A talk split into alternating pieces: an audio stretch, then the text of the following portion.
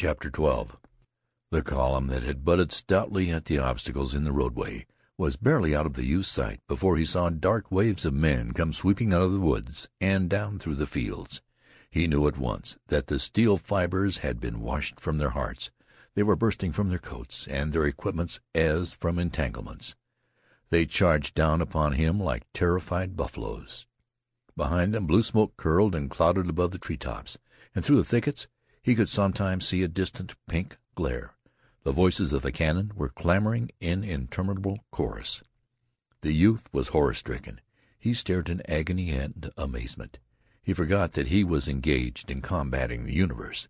He threw aside his mental pamphlets on the philosophy of the retreated and rules of the guidance of the damned. The fight was lost.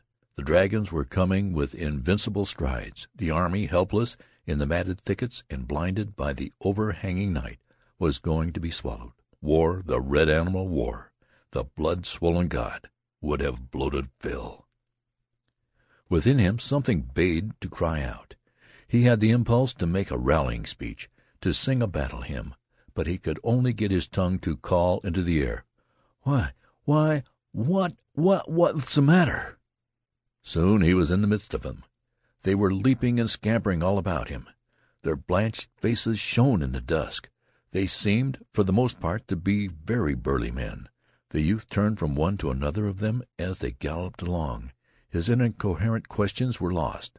They were heedless of his appeals. They did not seem to see him. They sometimes grabbed insanely. One huge man was asking of the sky, "Say, where de plank road? Where de plank road?" It was as if he had lost a child.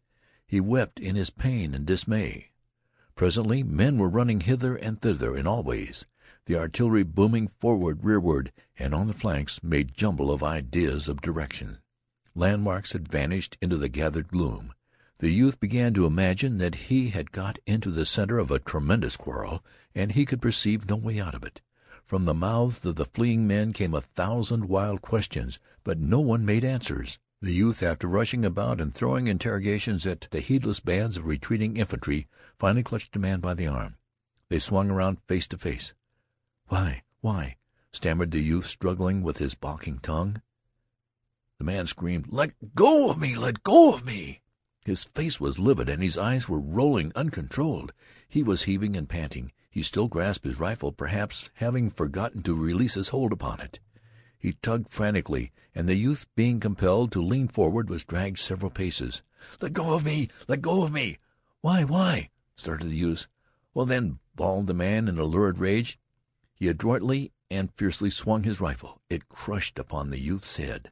The man ran on. The youth's fingers had turned to paste upon the other's arm. The energy was smitten from his muscles. He saw the flaming wings of lightning flash before his vision. There was a deafening rumble of thunder within his head. Suddenly his legs seemed to die. He sank writhing to the ground. He tried to arise. In his efforts against the numbing pain he was like a man wrestling with a creature of the air. There was a sinister struggle. Sometimes he would achieve a position, half erect, battle with the air for a moment, and then fall again, grabbing at the grass. His face was of the clammy pallor. Deep groans were wrenched from him. At last, with a twisting movement, he got upon his hands and knees, and from thence, like a babe trying to walk to his feet, pressing his hands to his temples, he went lurching over the grass. He fought an intense battle with his body. His dull senses wished him to swoon, and he opposed them stubbornly, his mind portraying unknown dangers and mutilations if he should fall upon the field. He went tall soldier fashion. He imagined secluded spots where he could fall and be unmolested. To search for one he strove against the tide of his pain. Once he put his hand to the top of his head and timidly touched the wound. The scratching pain of the contact made him draw a long breath through his clenched teeth.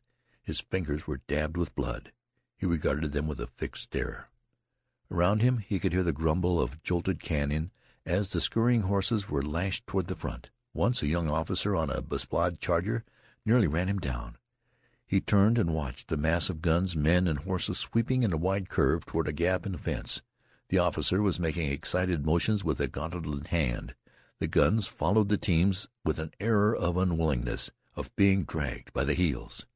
Some officers of the scattered infantry were cursing and railing like fishwives. Their scolding voices could be heard above the din. Into the unspeakable jumble in the roadway rode a squadron of cavalry. The faded yellow of their facings shone bravely. There was a mighty altercation. The artillery was assembling as if for a conference. The blue haze of evening was upon the field. The lines of forest were long purple shadows. One cloud lay along the western sky, partly smothering the red. As the youth left the scene behind him, he heard the guns suddenly roar out. He imagined them shaking in black rage. They belched and howled like brass devils guarding a gate. The soft air was filled with their tremendous remonstrance. With it came the shattering peal of opposing infantry. Turning to look behind him, he could see sheets of orange light illumine the shadowy distance.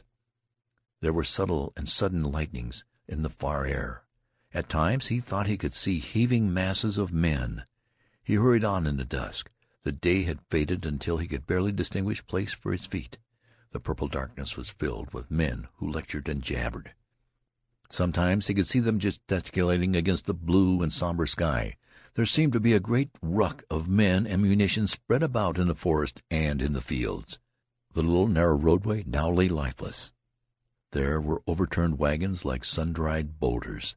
The bed of the former torrent was choked with the bodies of horses and splintered parts of war machines. It had come to pass that his wound pained him but little. He was afraid to move rapidly, however, for a dread of disturbing it. He held his head very still, and took many precautions against stumbling. He was filled with anxiety, and his face was pinched and drawn, in anticipation of the pain of any sudden mistake of his feet in the gloom. His thoughts as he walked fixed intently upon his hurt. There was a cool, liquid feeling about it, and he imagined blood moving slowly down under his hair. His head seemed swollen to the size that made him think his neck to be inadequate. The new silence of his wound made much worriment. The little blistering voices of pain that had called out from his scalp were, he thought, definite in their expression of danger. By them he believed that he could measure his plight. But when they remained ominously silent, he became frightened, and imagined terrible fingers that clutched into his brain. Amid it he began to reflect upon various incidents and conditions of the past. He bethought him of certain meals his mother had cooked at home, in which those dishes of which he was particularly fond had occupied prominent positions. He saw the spread table. The pine walls of the kitchen were glowing in the warm light from the stove. Too, he remembered how he and his companions used to go from the schoolhouse to the bank of a shaded pool, he saw his clothes in disorderly array upon the grass of the bank. He felt the swash of the fragrant water upon his body. The leaves of the overhanging maple rustled with melody in the wind of youthful summer. He was overcome presently by a dragging weariness. His head hung forward and his shoulders were stooped as if he were bearing a great bundle. His feet shuffled along the ground. He held continuous arguments as to whether he should lie down and sleep at some near spot or force himself on until he reached a certain haven. He often tried to dismiss the question, but his body persisted in rebellion and his senses nagged him like pampered babies. At last he heard a cheery voice near his shoulder. "You seem to be in a pretty bad way, boy." The youth did not look up, but he assented with a thick tongue. "Uh." The owner of the cheery voice took him firmly by the arm. "Well," he said with a round laugh, "I'm goin' your way. The whole gang is goin' your way and I guess we can give you a lift." They began to walk like a drunken man and his friend. As they went along, the man questioned the youth and assisted him with the replies like one manipulating the mind of a child. Sometimes he interjected anecdotes. "What regiment do you belong to?" "Eh? What's that?" "The 304th New York." "What corps is that in?" "Oh, it is? Why, I thought they wasn't engaged to day. They're way down Ord Center. Oh, they was, eh? Well, pretty nearly everybody got their share of fightin' to day. By dad, I give myself up for dead many number of times. They was shootin' here and hollerin' there and hollerin' here and there hollerin' there and damn darkness until I couldn't tell save my soul which side I was on. Sometimes I thought I was sure enough from Ohio, or other times I could have swore I was from the bitter end of Florida. It was the most mixed up dern thing I ever see. And these here hull woods is a regular mess. It'll be a miracle if we ever find our regiments tonight. Pretty soon, though, we'll meet a plenty of guards and provost guards and one thing or another. Oh, there they go with an officer, I guess. Look at his hand a dragging. He's got all the war he wants, I bet. He won't be talking so big about his reputation and all when they go to sawing off his leg. Poor feller, my brother's got whiskers just like that. How did you get your way over here, anyhow? Your regiment is a long way from here, ain't it? Well, I guess we can find it. You know, there was a boy killed in my company today that I thought the world of all of. Jack was a nice feller. By ginger, it hurt like thunder to see old Jack just get knocked flat. We was a standin' pretty peaceable for a spell, though there was men runnin' every way all around us, and while we was a standin' like that, long comes a big fat feller. He began to peck at Jack's elbow and says, "Say, where's the road to the river?" And Jack, he never paid no attention, and that feller kept on a peckin' at his elbow and sayin', "Say, where's the road to the river?" Jack was a lookin' ahead all the time, tryin' to see the Johnnies comin' through the woods, and he never paid no attention to the big fat feller for a long time. But at last he turned around and he says, "Ah, go to hell and find the road to the river." And just then a shot slapped him bang on the side of the head. He was a sergeant, too. Them was his last words. Thunder, I wish we was sure of findin' our regiments tonight. It's goin' to be a long huntin', but I guess we can do it. In the search which followed, the man of the cheery voice seemed to the youth to possess a wand of a magic kind. He threaded the mazes of the tangled forest with a strange fortune. In encounters with guards and patrols he displayed the keenness of a detective and the valor of a gamin. Obstacles fell before him and became of assistance. The youth, with his chin still on his breast, stood woodenly by while his companion beat ways and means out of sullen things.